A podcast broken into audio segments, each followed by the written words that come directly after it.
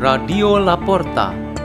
The door is open for you for the growing of knowledge and wisdom of God.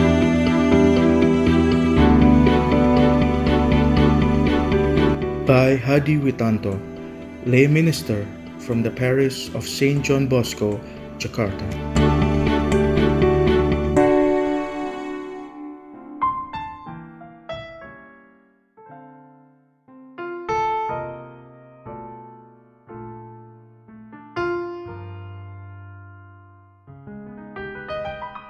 Reading and meditation on the Word of God. Monday of the fourth week of Advent, December 21st, 2020.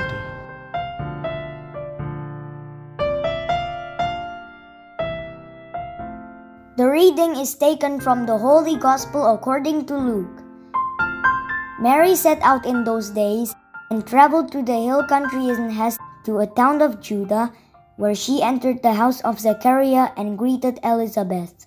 When Elizabeth heard Mary's greeting, the infant leaped in her womb, and Elizabeth, filled with the Holy Spirit, cried out in a loud voice and said, Most blessed are you among women, and blessed is the fruit of your womb. And how does this happen to me, that the mother of my Lord should come to me? For at the moment the sound of your greeting reached my ears, the infant in my womb leaped for joy. Blessed are you who believed that what was spoken to you by the Lord would be fulfilled. The Gospel of the Lord.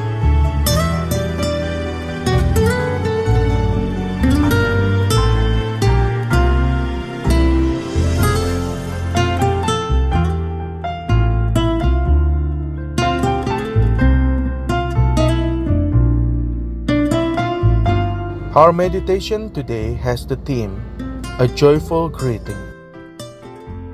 We all know the term love slave or love obsession, which refers to people who are afflicted by the passion of romantic love. This can happen to adolescents, young people, and adults.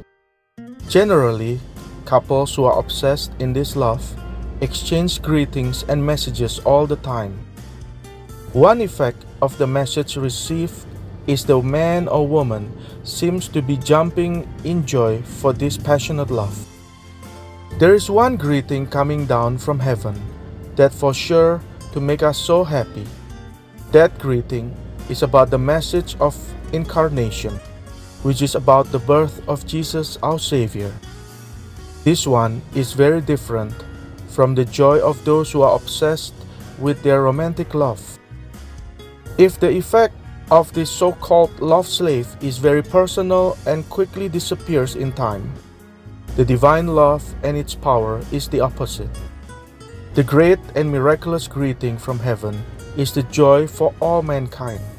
It is a new life all over the earth, and it continues to happen till this moment.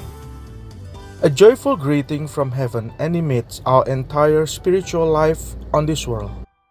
This joy is symbolically illustrated by the book of the Song of Songs about a beautiful lover who was jumping on the mountains, jumping over the hills, and the hearing of her sweet voice singing and the seeing of her very beautiful face. This illustration points us to the Virgin Mary who received the good news from heaven. Her cousin Elizabeth joined her in jumping with much rejoicing, because her baby John the Baptist in her womb was moved to jump also in happiness by the visit of the Savior Jesus Christ, who inhabited the womb of her mother Mary. The effect of the jump of joy was obviously shown by the two women who were pregnant with their respective babies. The pregnancy is indeed a very special experience for women especially since there was an intervention from heaven to the two sisters. For all women in our midst who have become mothers, pregnancy implies a great collaboration with God in the creation and sustenance of life. What a jump of joy also occurs in husbands who take direct participation during the period of pregnancy and the process of birth. We should say that husbands are also pregnant spiritually because they see themselves the fruits of their love to their wives. In this point of view, it is appropriate to admit that husband and wife, or father and mother, are to be in the front line of the preparation for Christmas. They are expected to be the good news of great joy to the whole world.